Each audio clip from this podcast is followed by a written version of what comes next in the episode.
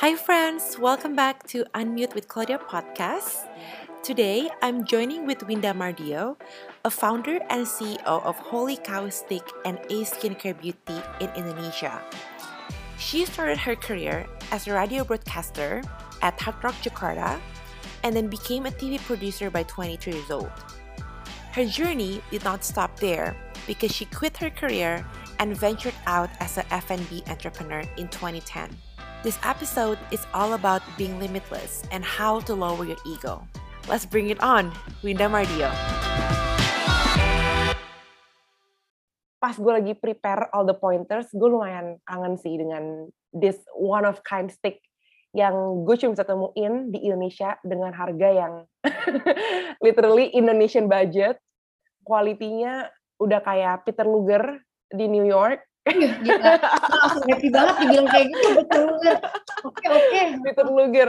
Um, Tapi gila sih, I've been I've been admiring this person so much ever since I know this profile.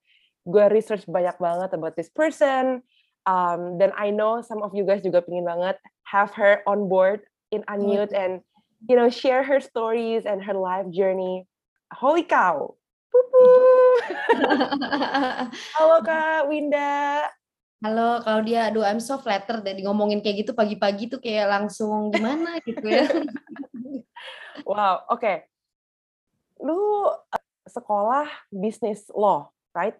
Something like with business thingy. Yes, yes, wah, you you've done a good research ya. But then most of your career itu sampai 2008 tuh always been in television, agency, radio, hard rock FM. Itu kayak legit the top tier of radio lah. Dulu anak radio pasti Ya, yeah, maksudnya tahun hard 2000-an rock. ya, di tahun 2000-an gitu ya. Nah, legit. but then you mentioned in one of your interviews that cooking has always been a part of your life Yes. dari growing up gitu. So Mhm.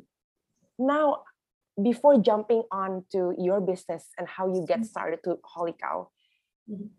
what is your childhood look like? Di rumah itu emang bonyok lu emang suka masak atau udah punya catering, lu ke expose cooking di situ. Wh- Where's the idea of cooking come from? Connect the dot, Oke. please.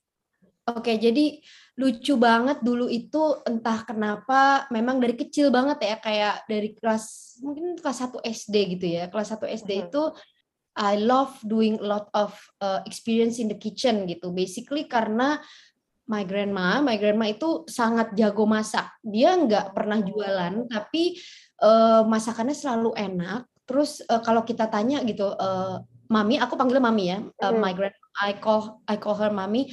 Mami masaknya itu resepnya apa gitu? Dia selalu jawab, aduh aku nggak ada resep, aku masak cuma cemplung-cemplung aja gitu. Selalu kayak gitu jawabannya gitu. Tapi Oh. tapi yang dia masak tuh uh, my grandma is Chinese, Mhm, so and I'm a Muslim. Mhm. Uh, jadi dia tahu kalau I don't eat uh, pork, Pork, gitu kan ya. Jadi dia yeah. bikin bakmoy tapi bakmoy ayam kayak gitu. Jadi Ah. dia bikin versi halalnya gitu, khusus buat aku gitu. wow.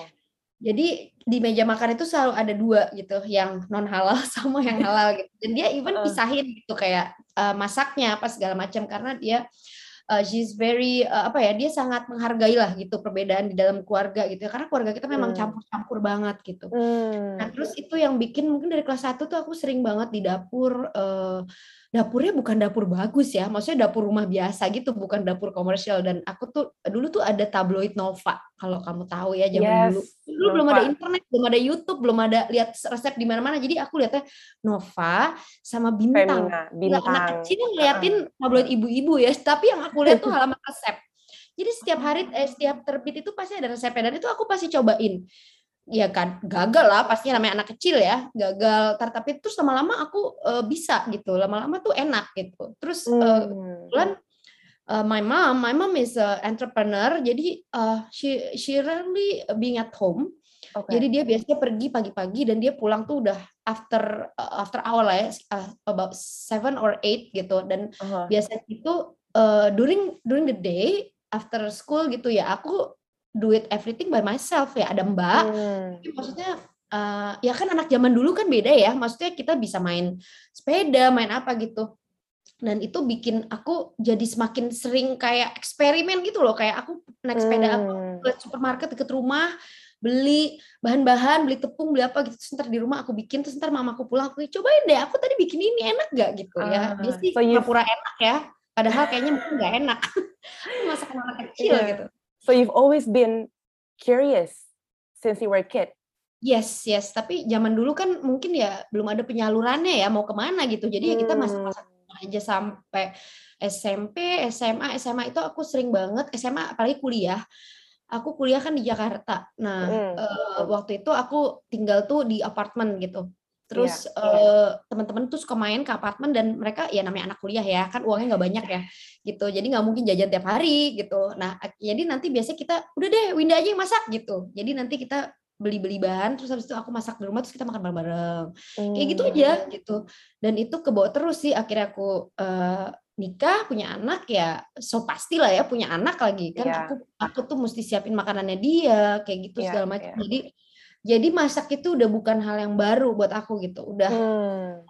ini dan ya eh, akhirnya pada saat aku mau buka restoran tuh aku em, apa ya namanya ya mungkin kayak ambil short course gitu sih sebentar aja cuman biar tahu proper karena kan mau jualan untuk orang kan nggak pernah Iya. sebelumnya ju- untuk konsumsi orang lain gitu kan jadi aku eh, belajar sekitar berapa ya satu bulan setengah untuk eh, gimana sih dapur restoran itu operationnya tuh seperti apa sih gitu terus habis itu Hmm. Eh, gimana sih standar kebersihannya kayak gitu. Terus udah gitu kan Oke. kita buka outlet di Singapura. Nah di Wow. Singapura itu, eh, aduh gila capek banget sih. Di Singapura itu bikin bisnis mudah banget. Kayak bikin PT tuh literally like only three days. Tapi SDM-nya ya. Ya duit uh, via Heeh. internet gitu ya. Terus habis itu uh, you can set up everything in just like two two weeks gitu. Aku amazed gitu ya kayak, hah kontraktor bisa ngerjain ini like in two weeks ngerjain dapur apa segala macam dan bener-bener Wow. jadi. Tapi karena aku ngerjain semuanya sendiri, aku nggak ada orang. Maksudnya aku nggak ada siapa-siapa Hmm. gitu. Jadi aku literally pergi beli belanja bahan-bahan terus apa segala macam eh, bawa gitu kan. Terus habis itu di Singapura tahu sendiri kan eh, grading apa pun itu ketat banget, Banget. ya. Iya. Heeh, jadi begitu di kita buka PT mau bikin restoran gitu ya waktu itu Mm-mm. eh, di food court itu dia langsung ngasih buku setebal ini yang harus dipelajarin eh, harus dipelajarin dan harus dihafalkan dan harus dikerjakan gitu. Jadi nanti setelah Hmm. eh, buku itu diker, apa kita pelajarin dia akan datengin tuh inspeksinya gitu inspection eh, officernya gitu ya. Terus habis itu pada saat dia datang tuh dia nggak kasih tahu ta- kapan datangnya tanggal berapa jam berapa dia nggak kasih tahu. Tiba-tiba dia akan datang di depan dapur kita and then like oke all of you guys go outside gitu. Dia akan ngusir kita keluar dari dapur dan dia akan masuk dan dia akan meriksa semuanya gitu. Jadi benar-benar nggak bisa di di apa ya dikondisikan atau apa pun itu ya nggak bisa gitu. Jadi Mm-mm, jelek ya jelek. dan kita selalu dapat A grade-nya, Hmm. gitu. Karena aku Wow. bener-bener aku takut fail kan. Jadi aku Iya. belajar bener-bener dan aku aplikasiin bener-bener. Dan itu sebenarnya eh, berguna banget sih buat bekal. Akhirnya aku training anak-anak di Jakarta terus bikin Hmm. standarnya HACCP dan akhirnya kan kita kan bikin kayak eh, H- H- HACCP certified di Jakarta terus CHSE juga kan sekarang harus ya kan terus udah gitu BPOM udah gitu halal lah itu kita akhirnya jalanin semua gitu. Oke. Oke. kita maunya bener gitu Oke. kayak So I think you know hearing your story ya dari your passion about cooking gitu kan dari kecil. Kenapa you detour ke radio, ke media, ke television? Kenapa waktu Oke. itu kayak nggak kepikiran langsung aja untuk Sekolah masak buat gitu ya? eh, iya atau mungkin langsung buka sendiri gitu. And growing up, were you privileged financially? I am. Uh, I, we can say that I am privileged. Uh, I mean like kita nggak berlebih-lebihan, tapi uh, our family is okay. My mom actually is a single mother back then. Oke. Uh, she's remarried now, but after after after berapa ya? Pokoknya setelah aku kuliah deh. Jadi uh, my childhood basically uh, she's a single mom and she's an entrepreneur and she's a very strong person gitu. Uh, Wow. She's a very strong woman. So she's been a very good example for us gitu ya. Dan mm. uh, karena dia sibuk, ya bayangin aja single mother gitu ya, anaknya uh, tiga gitu. Jadi kan uh, of course dia harus cari uh, nafkah gitu kan ya harus cari yeah. uang gitu jadi banyak banget waktu-waktu di mana kita itu ditinggal maksudnya mm-hmm. bukan ditinggal gimana ya maksudnya dia sibuk gitu dari pagi sampai sore dia sibuk dan dia cuma punya waktu sama kita buat weekend biasanya Nah, kalau weekend itu pun, actually my mom is a very good cook juga, walaupun hmm. tidak sejago my grandma, hmm. tapi dia biasanya luangin waktu weekend itu masak buat kita gitu. Hmm. Jadi makan bareng di meja itu it's a family tradition gitu yang selalu kita tunggu-tunggu tiap weekend gitu. Kalau misalnya hari Sabtu kita makan di rumah. Yeah. Iya. Uh, minggu itu kita makan di luar dan tetap bareng-bareng oh. satu meja ngobrol. Kita kan ngobrol tuh ngapain aja tuh seminggu itu apa ini apa ini gitu ya. Terus habis itu hmm. uh, dari keluarga yang seperti itu, my mom yang uh, jarang di rumah dan dia tuh sangat apa ya very strong and opinionated person gitu. Jadi hmm. aku tuh jadi seperti itu gitu. Maksudnya aku tuh very skeptical. I'm a very skeptical person. everything, everything. I'm asking about everything. Kayak uh. dari kecil kayak why is this like this? Why is that like that? Why hmm. why why why why always why gitu. Jadi kayaknya my curiosity is very big gitu. Nah, kenapa enggak hmm uh, bisnis waktu itu karena aku lihat uh, waktu krisis moneter tahun 98 yeah. itu aku pas uh, SMA. Hmm. Duh, ketahuan deh umur gue tua banget ya. Tunggu baru lahir. Pas iya, pas ah kamu baru lahir. Oh my god. aku malu. Jadi itu waktu itu Krismon dan uh, she took a uh, hard hit gitu ya uh, her business actually gitu. Jadi waktu itu aku takut gitu. Aku nggak mau, aku kayak aku nggak mau jadi entrepreneur deh. Aku takut deh kayak my mom gitu. Maksudnya uh, she's strong, she can handle it, but it's hmm. tough gitu. At that time it's very tough karena oh ya yeah. dolar dari 2000 jadi 20 ribu gitu. If you remember that time gitu ya. A lot of people, oh, it's a very chaotic time ya. Uh, uh. My grandma's house in Setiabudi, Jakarta Selatan itu got shot by aduh gue boleh gak sih ngomong kayak gini tapi kan itu boleh. ada di ya ceritanya yeah, yeah. got shot by actual bullets the oh. fence dan uh, she have to hide back in the kitchen karena takut banget kan waktu itu kan rusuh banget ya sampai orang-orang hmm. tuh pada ke airport ninggalin mobil ninggalin rumah. Aduh if you remember that time itu kayak eh kok bisa kayak gini ya? Aneh aneh banget ya gitu. Dan kebetulan tuh rumah aku dulu di Bendungan Hilir. Jadi hmm. kelihatan ke MPR kita tuh naik sepeda ngeliatin demo di MPR itu dari gang bendungan di seberangnya gitu. Jadi kita lihat kita lihat banget dan itu gila itu anak kecil berani banget ya. Maksudnya kayak kalau zaman sekarang masuk rumah masuk rumah gitu. Pada waktu itu tuh kayak aku sama teman-teman eh, kita lihat tuh kita lihat yuk gitu. Pakai sepeda. Hmm.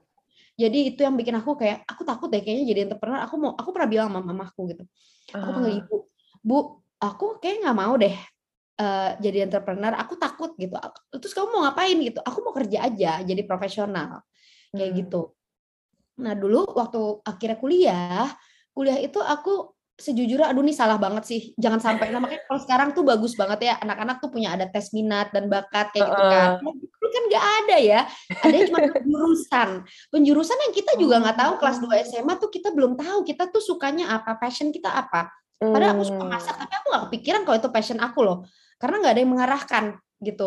Oke. Okay. Terus habis itu dulu waktu SMA juga atau aku seneng banget bikin uh, film. Jadi waktu dulu tuh zaman ada kompetisi film independen ya. Aku oh, kreatif ya? Iya, aku kreatif. pernah ikut. Aku pernah ikut festival film independen tuh F Festival Film Independen FFI ya dulu ya. Mm-hmm. Festival Film Independen itu aku masuk nominasi loh. Finalis. Wow. Nggak menang. Nggak menang gitu. Nah, itu waktu SMA. Jadi aku uh, memang aku tuh senangnya di dunia kreatif dulu. Tapi aku tuh nggak tahu dulu aku mau kuliah apa karena nggak ada uh, arahannya gitu ya dari sekolah gitu. Aku IPS dulu.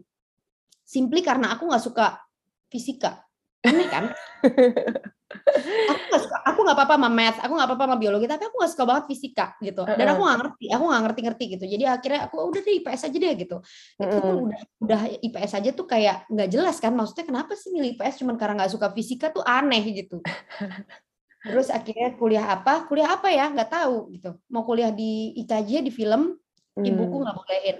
Aduh itu isinya cowok-cowok cowok stigma ya again ya yeah. orang dulu. Uh, aduh itu isinya cowok-cowok gondrong-gondrong gitu nanti kamu gimana? Apa gini-gini gitu. Apa sih? Nggak jelas banget gitu. Terus ya udah aku kuliah apa ya? Ya udah deh aku kuliah uh, hukum aja. Akhirnya aku kuliah hukum gitu oh my god bad choice. Oh my god. berat banget. Men itu itu ambilnya hukum loh. Iya makanya atau it was like kayak ah bisa lah ya paling cuma ngapal-ngapalin kayak IPS gitu kan. Pasal-pasal. Oh uh-uh. salah banget deh berat banget kuliahnya. Terus udah gitu ya my mom being being herself ya dia tuh sangat pokoknya kalau udah pilih itu harus konsisten pilih itu nggak boleh keluar. I'm not gonna uh, apa pay for your other school gitu. Kalau kamu yang ini udah selesai baru hmm. kamu mau kuliah lain terserah kata dia gitu. Karena it's your choice gitu. Jadi you have to be responsible for it. Ya ya udahlah gitu. Jadi kuliah berat gitu karena aku pengen banget buru-buru selesai.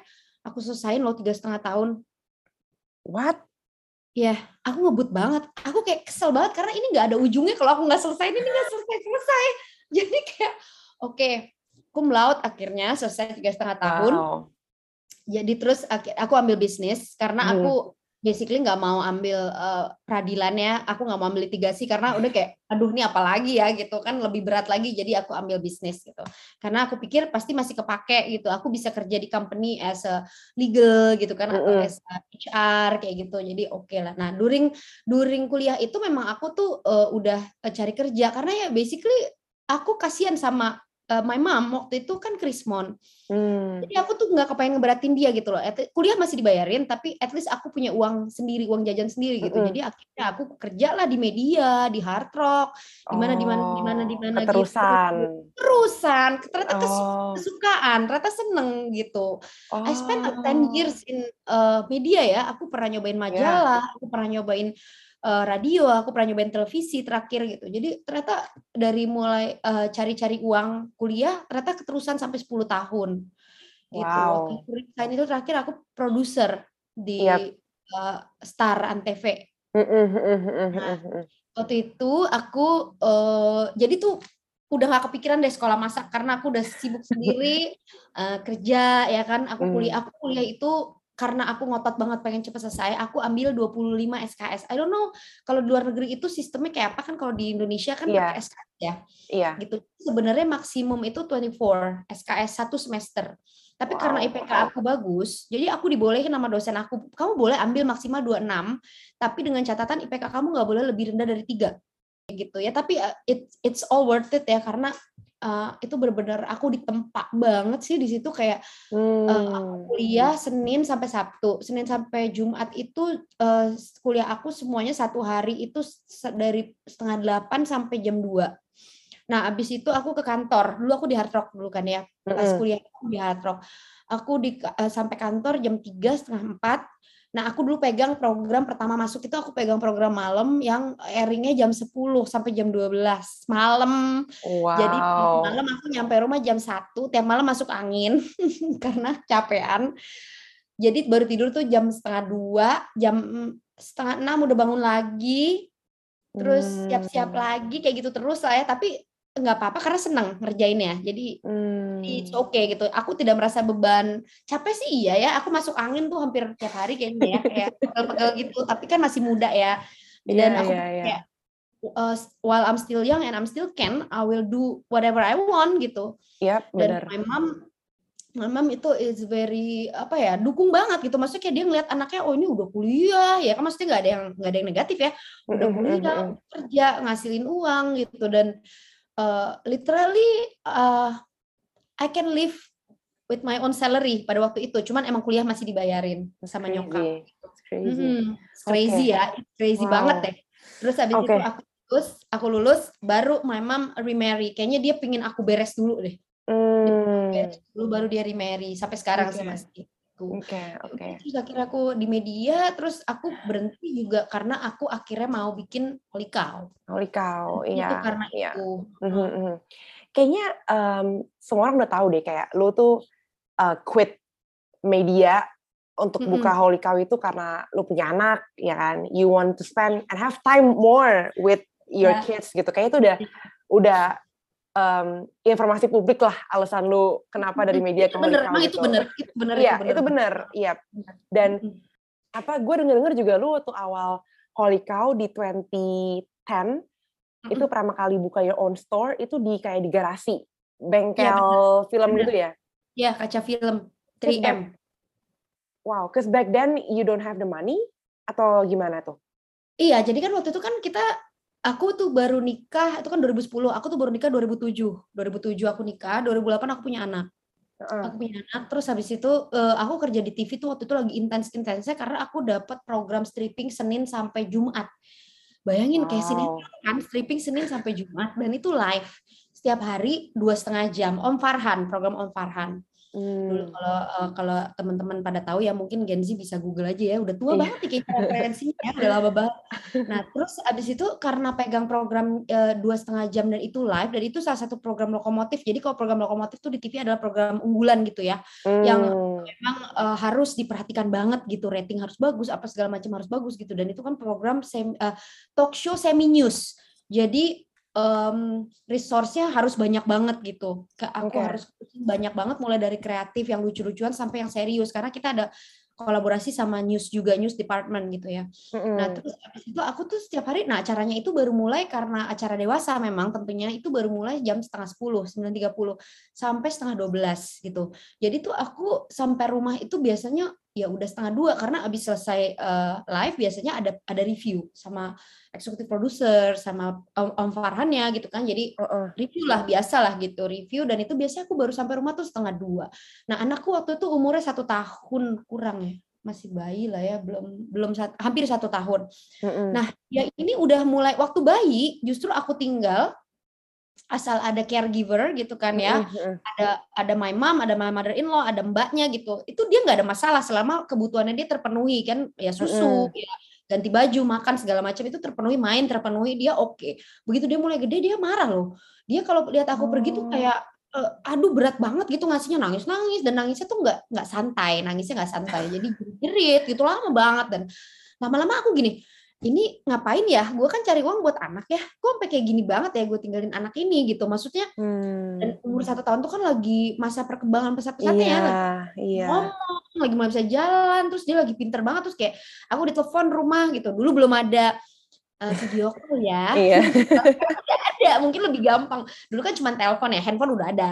Cuma maksudnya cuma telepon terus telepon sama my mom atau my mom in law atau eh, mbaknya gitu bilang "Eh, ini eh, anakku gitu ya eh, Mhm. udah lagi bisa ini nih dia tadi ngomong gini tadi makan udah sendiri gini terus aku kayak Hah, gila banget ya gue nggak ada dan puncaknya adalah waktu itu dia Mhm. demam dia sakit jadi waktu itu dia demam terus dia emang udah pilek gitu loh batuk pilek biasa lah anak kecil kan batuk Iya. pilek terus itu dia agak anget nah tapi aku harus ngantor hari itu karena tuh hari itu lagi ada bintang tamu yang penting banget lah pokoknya aku nggak bisa nggak Hmm. masuk lah gitu ya intinya terus aku ke kantor terus aku tetap lah terus dari jam berapa ya kayak abis maghrib tuh udah dikasih tahu gitu kayak ini eh, demamnya tambah tinggi nih gitu. Yaudah yaudah nanti aku abis abis eh, live aku langsung pulang deh aku nggak pakai review aku bilang gitu. Iya. aku cepet-cepet pulang gitu. Nah itu tuh lagi syuting sekitar jam setengah jam 10 lah ya jam 10 aku ditelepon sama suamiku ternyata dia udah nyampe rumah duluan. Nah suamiku tuh orang advertising agency jadi sama aja pulang malam mulu juga gitu. Jadi kita berdua tuh sama gilanya kerjanya gitu ya. Heeh, apalagi heeh. baru nikah ya pasti kan pengen kehidupan yang Iyalah. baik. Jadi kan pasti kerja kan semangat banget gitu. Ditelepon dia udah nyampe rumah kamu pulang sekarang? Ini Aska kejang. Wah gila sih. Aku langsung lempar micro. Aku tuh lagi ngebrief. Lagi ngebrief. Lagi ngebrief talent di panggung lagi pakai mic ya. Jadi gini-gini aku lempar gue pulang ya. Aku lempar berat gitu. Terus aku langsung lari langsung ngebut. Jadi Kak, dulu studio di Cawang rumahku di Pondok Indah aku ngebut Wow. lewat tol Jor itu aku udah kayak aduh aduh aduh aduh gitu. Terus di, di jalan ternyata sampai rumah dia udah selesai kejangnya tapi kan ya maksudnya itu itu aduh, itu aja. kayak, eh gitu. Aku terus langsung ke UGD apa segala macam kayak gitulah. Terus aku mikir wah ini nggak bisa sih ini kayak gini nih gitu. Kayak nggak bisa sih ini kayak gini. Kayak aku dan aku waktu kecil ngerasain kan my mom itu Mm-mm. dia juga ditinggal-tinggal tak tapi dia nggak ada pilihan karena dia nggak ada suami Iya kan, Iya. maksudnya nggak nggak ada partner ya gitu, nggak bisa berdua gitu. Mm-mm. Nah kan aku kan punya suami ya, Iya. kebetulan. Jadi kayaknya ini bisa deh dibagi deh burdennya gitu, dibagi dua gitu. Hmm. Aku bilang sama suamiku, aku pengen resign deh. Ya udah resign aja gitu. Dia gitu. Eh, terus dia dengan gaya cowoknya gitu ya, gue mampu kok hidupin lo gitu. Oh. oh oke gitu, oke kalau gitu. Tapi kan ya again kita kan pasangan baru ya, kita baru nikah, kan banyak kayak kan kita bar- lagi nyicil KPR, lagi ada cicilan Iya. mobil, cicilan apa beban banyak lah dan kita kan nggak nggak minta sama orang tua gitu. Jadi kayak Mm-mm, mm-mm. ya udah kita berhemat ya, kita harus berhemat nih gitu karena Hmm. tadinya dua jadi satu gitu kan. Iya, Cuma iya. ya udah terus akhirnya aku bilang sama bos aku, eh, bang dulu bos aku namanya bang Mm. Dedi masih ada tuh bang Dedi sekarang. Eh, Oh. jadi bos masih jadi bos di sana. Saya bang aku mau resign bang gitu. Kenapa loh lo mau dihijack TV lain ya? Dia langsung gitu. Enggak bang gue mau ngurusin anak gue. Awas lo ya jangan sampai tiba-tiba gue kasih resign lo kerja di TV lain. Nggak bakal bang. Aku nggak bakal kerja TV lain. Aku mau ngurusin anakku. Heeh. mungkin aku akan ngapain lah tapi aku nggak mungkin kerja di TV lain kok. Abang pegang omongan aku aku bilang gitu kan ya udah oke deh kata dia. Dia bos yang baik banget sih. Akhirnya dia memberi tenggat waktu karena waktu itu aku produser dan aku pegang program lokomotif aku nggak boleh langsung resign. Jadi aku harus resign tuh empat bulan lama Hmm. empat bulan Wow, tuh lama. Iya, iya. empat bulan tuh lama gitu dan intens banget gitu kan dan maksudnya aku juga ngerti sih karena kan kan susah cari ganti kamu nih karena kamu pegang program ini gitu gitu apa segala macam mm-mm. oke nggak apa-apa bang aku paham gitu tapi during empat bulan ini boleh ya kalau aku eh, nanti eh, apa agak pulang cepet apa iya iya it's okay atur aja kerjaan kamu kata dia gitu dia tuh baik banget aku Hmm. Eh, salah satu orang yang berjasa lah dalam karir aku Mm-mm. terus abis itu akhirnya eh, suamiku bilang tapi kamu tuh udah biasa kerja kamu tuh nggak mungkin deh kalau nggak ngapa-ngapain sama sekali. Maksudnya cuma ngurusin anak kan ngurusin emang ngurusin anak tapi kan ada waktunya tuh anak sekolah ya kan? Ada waktu Iya. anak tidur ya kan? Lo kan nggak mungkin selalu eh, ngurusin gitu loh maksudnya kan baru satu juga untungnya waktu itu. Jadi ngap- Iya. ngapain kayak lo gitu kata suami gue. Ngapain kayak lo gitu? Jualan makanan di sana gitu kan lo kan seneng di dapur gitu. Oh juga ya ide bagus gitu kan. Oh. udah, akhirnya kita mulailah dengan kita tes pasar dulu aja yuk gitu. Tes pasar terus kita dulu waktu jadi empat bulan pas aku udah ngajuin resign itu kita ikut bazar-bazar gitu sambil kayak jajak pendapat ya Iya, ibaratnya iya. ini enak ini layak nggak sih buat dijual? apa segala macam segala macam. Mm-mm, kayak mm-mm. gitu. Sampai akhirnya kita putusin buka di radio dalam itu. Nah sebenarnya kalau dibilang nggak punya duit ya bener karena nggak punya duit buat buku- bikin restoran. Iya. bikin restoran habis berapa? Like hundreds of million. Nah kita nggak ada lah waktu itu gitu. Jadi eh, kita akhirnya pilih ya ngatur-ngatur mana yang bisa gitu. Kita coba aja lah yuk kita bikin. Kan belum ada juga tuh waktu itu ya yang jualan Iya. steak di warung. Jadi maybe Berarti- we can break the boundaries gitu. Maybe Betul. at that time. That's such a smart idea. Kayak mungkin sekarang orang lihat Holika udah di mall-mall kan di Mm, mm, dan punya banyak lagi loh branch-branchnya dan Mm. apa tahu bahwa Holika tuh mulai dari bengkel kaca film tuh kayak iya that's such a humbling story. Iya kayak Cinderella story ya sebenarnya tapi pada kenyataannya itu capek banget sih Aduh. Clau ya ampun juga. Jadi what I thought would be a side hustle gitu kan untuk Waduh. ngurusin anak sambil lucu-lucuan nih ternyata Heeh, oh heeh. my god itu Full capek time job. banget gitu. Ya jadi karena emang ya uangnya nggak ada buat hire orang segala macam gitu kan. Jadi kan aku gunain aja dulu lah di rumah apa segala macam gitulah ya eh, Mm-mm, buat menghemat gitu kan. Terus udah gitu kan tempatnya juga numpang di bengkel orang. Jadi kan kayak tukang nasi goreng jualan gitu ya, bongkar pasang tiap malam gitu. Iya. Nah, itu tuh jadi biasanya hari-hari aku tuh aku bangun pagi, aku siapin eh, anakku, suamiku, rumah lah, aku siapin diri aku sendiri, sarapan segala macam segala macam. Terus aku anter anakku sekolah dulu, dulu sekolah Hmm. main-main lah ya. Kalau itu umurnya satu hampir satu setengah tahun lah, playgroup Playground. ya, Iya, iya. bukan playgroup kayak apa sih, kindy class gitu lah ya, yang Heeh, cuma dua jam gitu loh. Kalau Hmm. eh, nganterin dia, terus habis itu pulang makan siang, bobo siang, anakku bobo siang, habis eh, habis itu dia bangun bobo siang, dia main tuh di luar, biasanya sama mbak. Hmm. Nah, itulah aku mulai tuh siap-siap kan jualannya malam. Jadi jam 3 Hmm. itu biasanya aku udah mulai udah mulai siap-siap tuh, eh, siapin daging, siapin eh, bahan baku semuanya naik-naikin ke mobil segala macam dibantu sama supir aku dulu. Jadi supir aku tuh dulu Hmm. dibayarin sama ibu aku. Karena kan Hmm. karena kan gini, aku tuh capek banget, dia kasihan. Kamu tuh udah habis ngelahirin, nyusuin gitu, kerja jauh banget, pulang pagi. Yang ada kamu nanti sakit, pakai supir gih gitu. Aku nggak ada Oh. uangnya.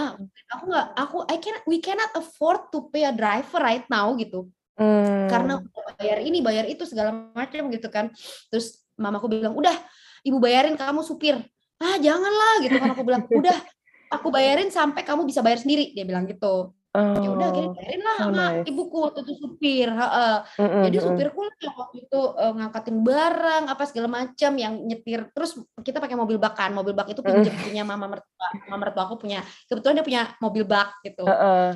pinjam lah itu tiap hari tuh. Jadi so my all of my parents, our parents itu sangat berjasa besar sih buat buat hidup aku mulai dari kecil sampai sampai akhirnya bener-bener sendiri tuh ya sampai sekarang ya gantian lah ya kita yang take care of them lah. Iya, gitu. iya, Terus iya. uh, jam jam 3 siap-siap segala macam, jam 5 itu biasanya berangkat ke Radio Dalam. Jam 5 Hmm. berangkat, uh, siap-siap setting kan di sana Iya. segala macam. Terus kan uh, karyawanku banyak yang muslim, jadi biasanya mereka sholat maghrib dulu, ada masjid Mm-mm. di situ, ada musola. Itu sholat maghrib, abis sholat maghrib setengah tujuh kita buka. Hmm. Kayak gitu terus tiap hari. Capek banget gak sih rontok? Nanti biasanya jam jam setengah sepuluh udah selesai, udah habis gitu jualannya. Heeh. Kita beres-beres ya kan. Jam 10 aku nyemprot-nyemprotin. Kan Mm-mm. eh, bengkel kan harus bersih ya. Nggak mungkin Iya. ditinggalin berminyak gitu. Bersihin terus ntar suamiku jemput dia baru pulang tuh. Jam setengah sebelas Oh. sampai pulang gitu. Tapi ya uh, definitely I have more time with my son, Son, definitely gitu. mm, Karena kan dari pagi mm-mm. sampai jam 3 itu aku intan sama dia gitu dan Hmm. pas aku pergi ya dia kan tinggal berapa dia tuh tidurnya cepet jam 7 udah tidur tujuh setengah delapan jadi aku pergi jam 5 itu abis itu kayak dua tiga jam dia udah tidur Tidur, iya. iya. Heeh. And thank, thank you banget BTW udah kayak, you know, membawa kita melalui jalur-jalur detour, detour kehidupannya lumayan detail ya. Gue juga dengernya sambil kayak enak nih kalau minum kopi di sambil dengerin. bener-bener juga belum bikin. Tapi eh, gini deh kak, Ada Mm. satu hal yang aku lihat ya dari cerita dari cerita Kawinda dari kecil, dari kuliah, sambil kerja juga, masuk hard rock, masuk ke Antv, terus sekarang Cow gitu. You are, tadi aku bilang, beside you are a very curious person, lu tuh orangnya very persistent. Kayak iya betul you you walk in your journey with grit and perseverance. Itu penting banget kan, grit and perseverance gitu. Well, Hmm. that's based on my observation dari cerita Kawinda. Cuman kalau kakak bisa refleksi sedikit gitu, Mm-mm. sebenarnya what make you you sih kak? Kayak what eh, kayak what is the value yang buat Winda tuh seperti sekarang gitu? Karena nggak nggak semua orang yang suka masak dan pernah kerja di televisi bisa buat Holy Cow gitu. And Iya, and FYI Holy Cow is huge. Oh, thank you banget. Itu nggak nggak hanya sekedar gerai stick murah gitu loh. It's it is a thing. Yeah. Actually it's my blood and tears ya sebetulnya. Karena ya have your own business it's hard. Maybe starting something is very easy ya. You just Mhm. start. But then make it consistent and running all through the years gitu. Wow, it's it's very hard gitu. Mhm, We've been mhm. running for like 12 years now. And uh, we keep 12 doing years. new things, doing innovation and stuff. And if you ask me that what makes me me, aku itu sangat pegang omongan orangnya dan Oke. sangat menjaga integrity ya. Aku tuh if you ex- expect someone to be honest, brutally honest, that's me gitu. Maksudnya Hmm. I'm an I'm an open book. What you see is what you get. If I don't like you, you will know. Definitely.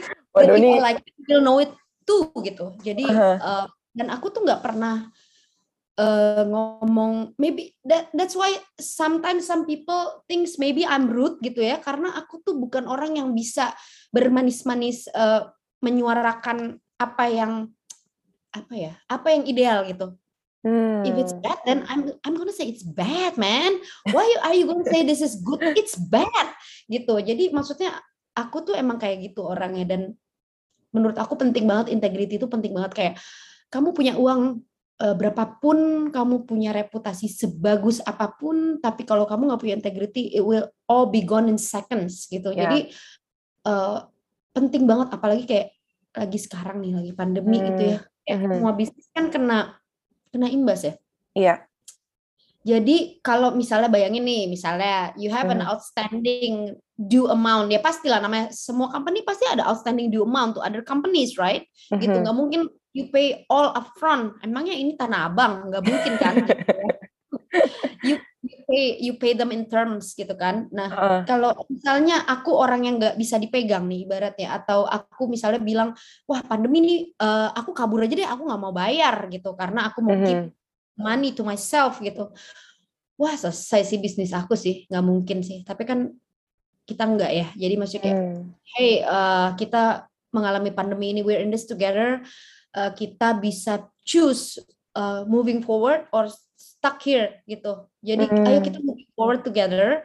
I'm not going anywhere I'm here uh, dan kita ayo kita omongin aja semuanya gitu itu berlaku juga sama karyawan aku mungkin kalau misalnya Hmm. karyawan aku, kalau aku nggak pegang omongan aku nggak pegang integriti aku mungkin semua karyawan udah cabut kali ya karena kan ada potongan gaji waktu Iya. awal-awal pandemi ya mau gimana semuanya juga gitu gitu nggak tahu deh di US gimana tapi di Indonesia di Jakarta itu lot of Mm-mm. companies do that gitu aku tanya-tanya ke temanku semuanya all of them nggak ada yang nggak do that gitu dan even Mm. yang eh, apa namanya company-company yang gede-gede banget even yang multi multi level nasional gitu ya itu Yeah. juga are you cutting your uh, employee salary? Oh ya of course. Karena ini lagi jelek banget daya belinya gitu. Mm-mm, Jadi, uh, kalau misalnya ya terbukti kan maksudnya company-company yang bagus itu juga tetap uh, stand saat ini gitu. Malah lebih bagus lagi gitu. Karena ya mungkin uh, CEO-nya menjalankannya dengan benar gitu. Karena itu Mhm. susah banget.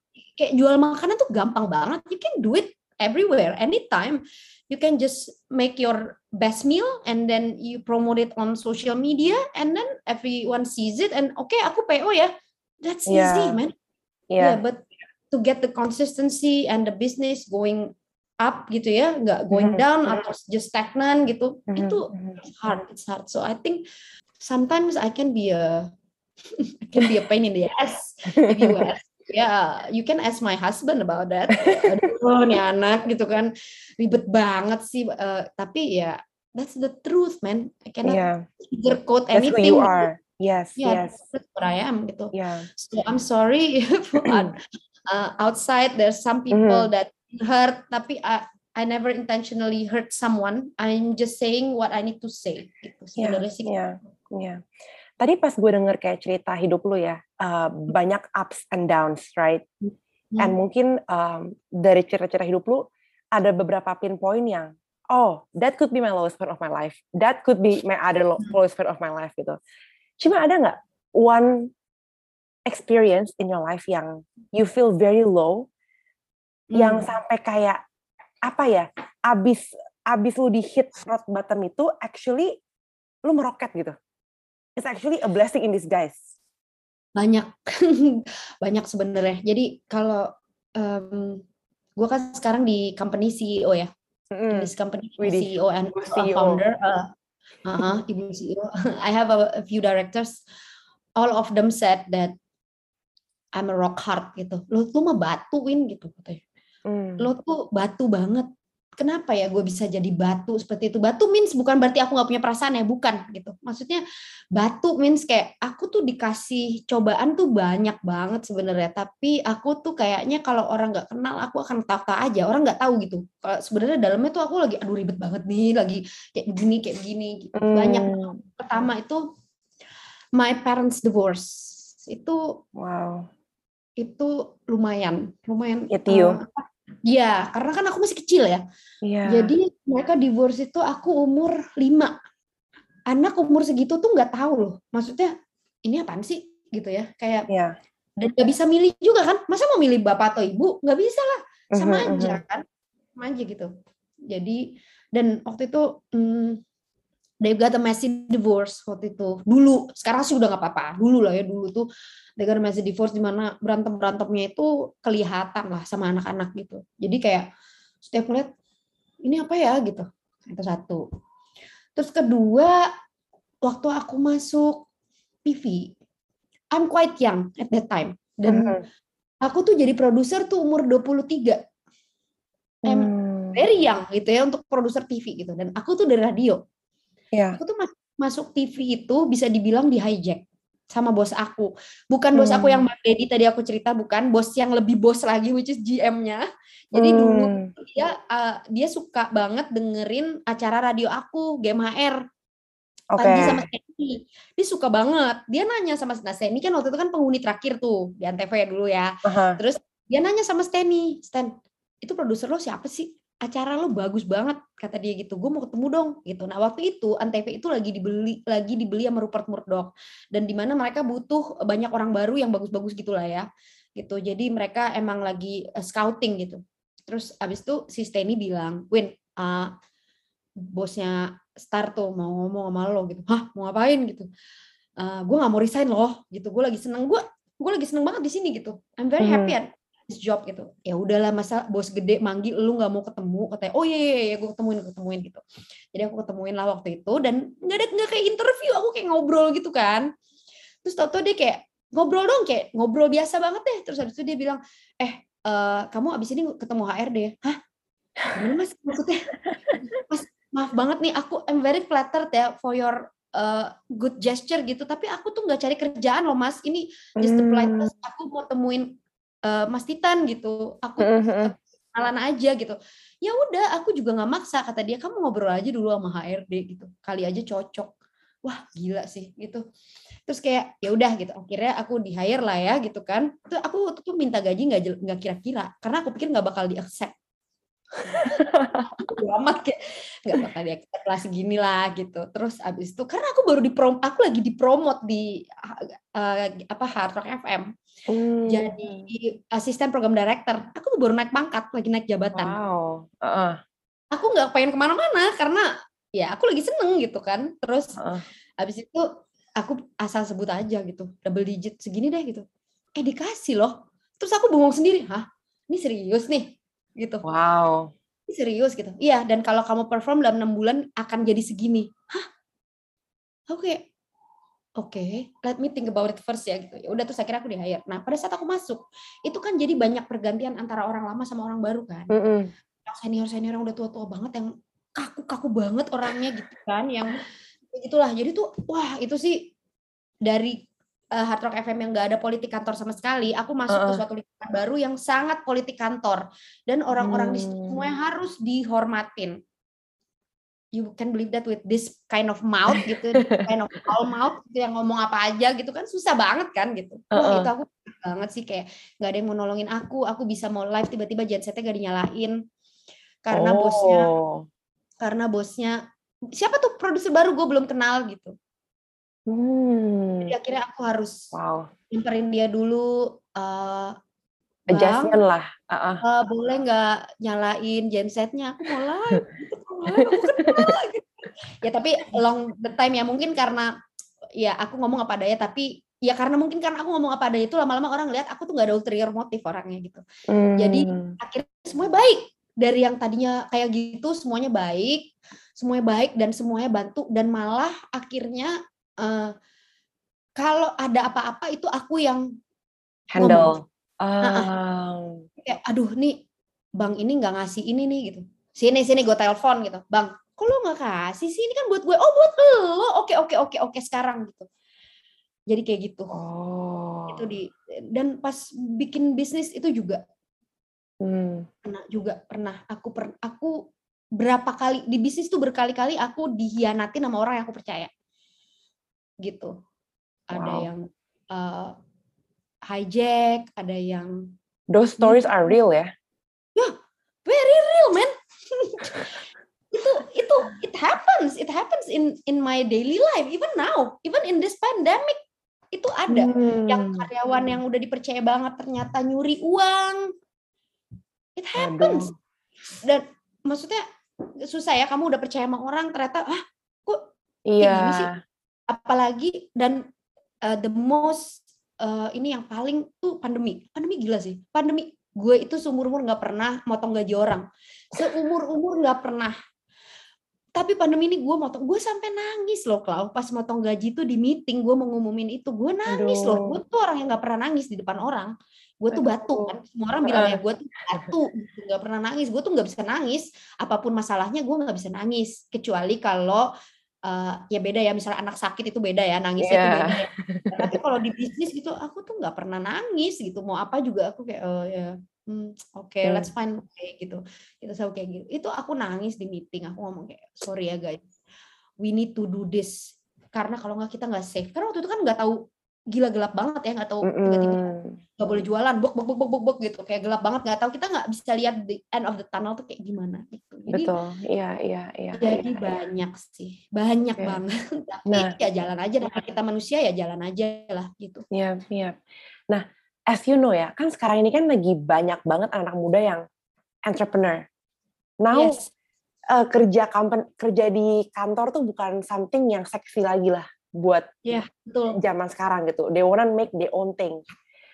what is the one thing yang lu lihat trennya nih agak bahaya nih kalau nggak di warning ini bisa gampang gampang fail nih atau atau maybe a better way to put it adalah kayak advice apa sih yang lu bakal kasih ke entrepreneur anak-anak muda zaman sekarang gitu melihat tren mereka dan melihat cara pikir mereka yang udah beda ya ada banyak yang bagus sebenarnya dari cara anak zaman sekarang itu banyak banget yang bagus ya satu pendidikan udah jauh lebih baik gitu ya daripada hmm. dulu dulu itu ya kayak tadi aku bilang kayak kita dijurusin kita aja nggak tahu jurusannya apaan gitu anak sekarang banyak tes minat tes bakat udah gitu iya. passion tuh banyak caranya menemukannya orang tua sekarang juga udah lebih open minded untuk nggak pokoknya ini, pokoknya ini enggak gitu kan ya. Anak-anak mau jadi apa aja itu bagus banget. Terus udah gitu mereka juga punya curiosity yang tinggi sekali. Terus juga mereka itu udah enggak apa ya, enggak pemalu ya. Kalau anak zaman sekarang itu mereka out loud gitu. Mereka outspoken, mm-hmm. mereka out loud, mereka mengemukakan apa yang mereka mau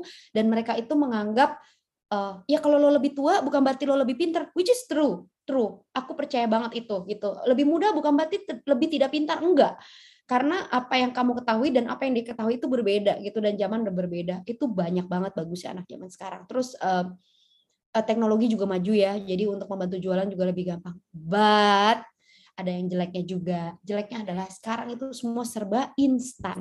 Nah anak-anak ya anak-anak ini suka uh, banget meniadakan proses. Padahal if you see a lot of big companies itu semuanya proses. Mungkin yang terlihat di berita cuma pada saat suksesnya saja. Misalnya contoh kayak Netflix. Wah, kita tahunya Netflix dalam 2 tahun, 2-3 tahun grow. Padahal tahu nggak mereka mulai tahun berapa? Tahun 90-an, men. Dari penyewaan video, dari ditolak-tolak gitu kan. Mereka tuh mau join nama Blockbuster saja dilepeh. Nggak mau yeah. Blockbuster. Pasti nyesel Blockbuster habis itu ya kan. Ternyata yeah. jadi bagus banget gitu. Dan uh, banyak lah yang kayak gitu. Jadi proses itu sangat penting. Kenapa? Karena Aku pun ngalamin itu. Aku kalau nggak hmm. berproses selama 12 tahun ini, ada hal-hal yang gini loh. Di atas kertas kayaknya ini oke nih di atas kertas gitu. Tapi hmm. kenyataannya enggak. Kenapa? Karena ada hal-hal lain yang kita nggak bisa lihat gitu. Tapi kita bisa lihat itu kalau kita melalui proses gitu. Jadi hmm. instan itu baik untuk hal-hal tertentu. Contoh mie instan, mie instan dari dulu sampai sekarang konsisten ya. Iya. Tapi I kalau bisnis maksudnya instan tuh artinya kayak overnight gitu. I don't believe lah. At least you need to spend your time uh, one, two, three years and do your research right kayak gitu sih.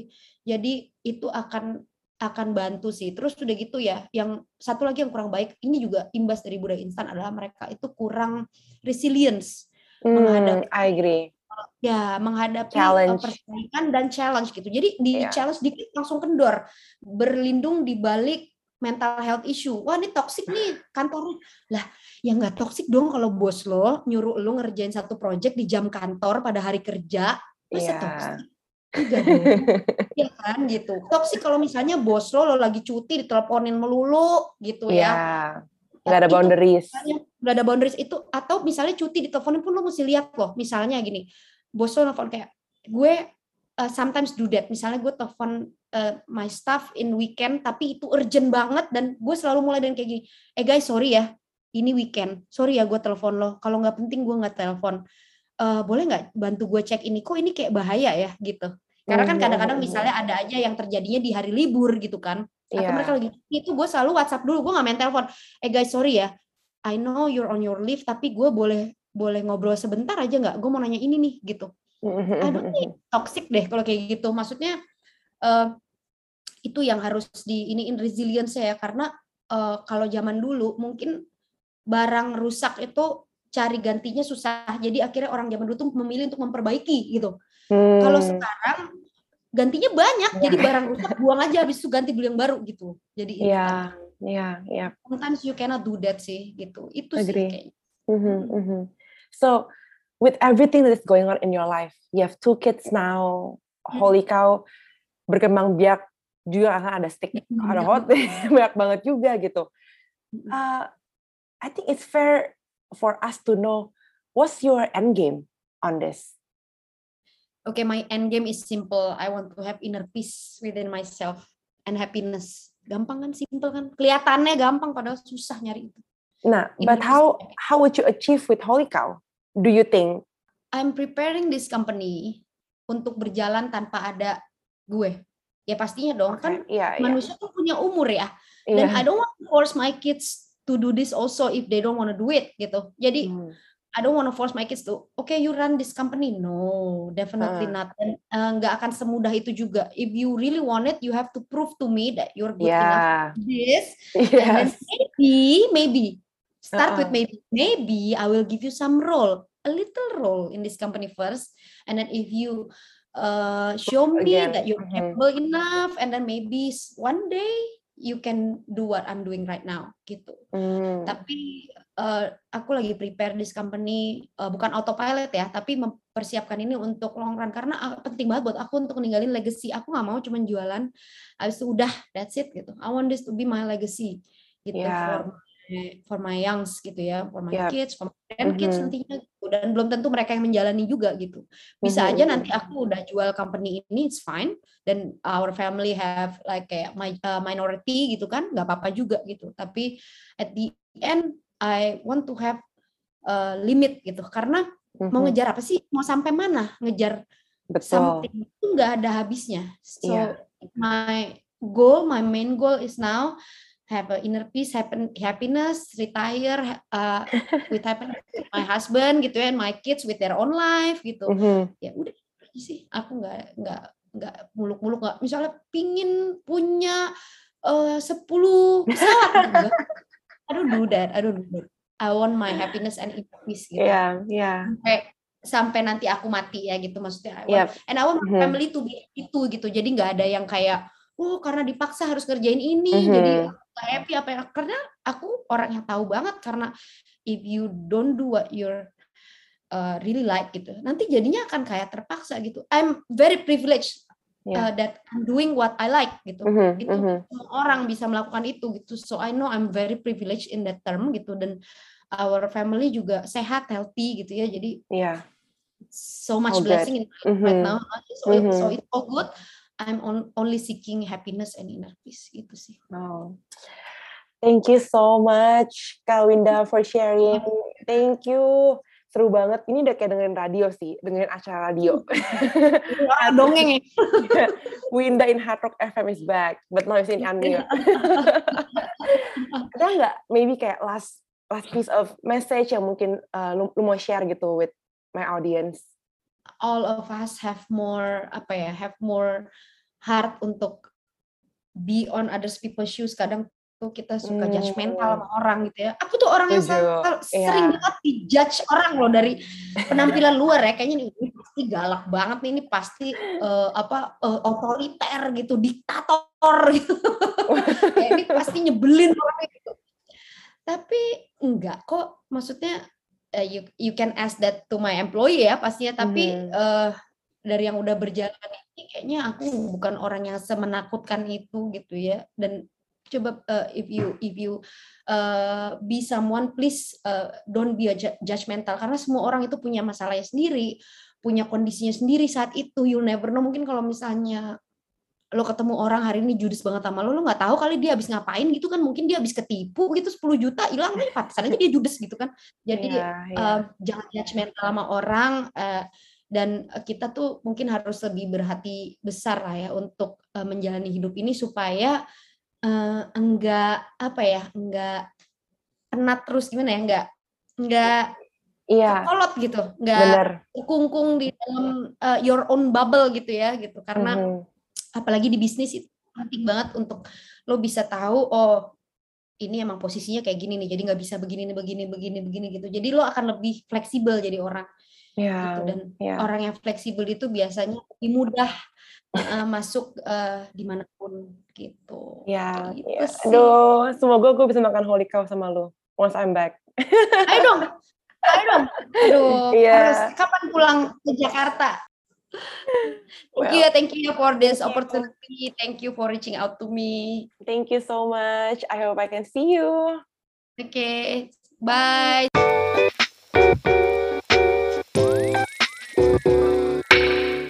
Thank you all for listening to this Unmute episode. Don't forget to follow this channel and share it with your friends too. And also, feel free to hit me up on Instagram at Claudia H. Johan. Unmute Podcast. Let the brain sparks begin. See you.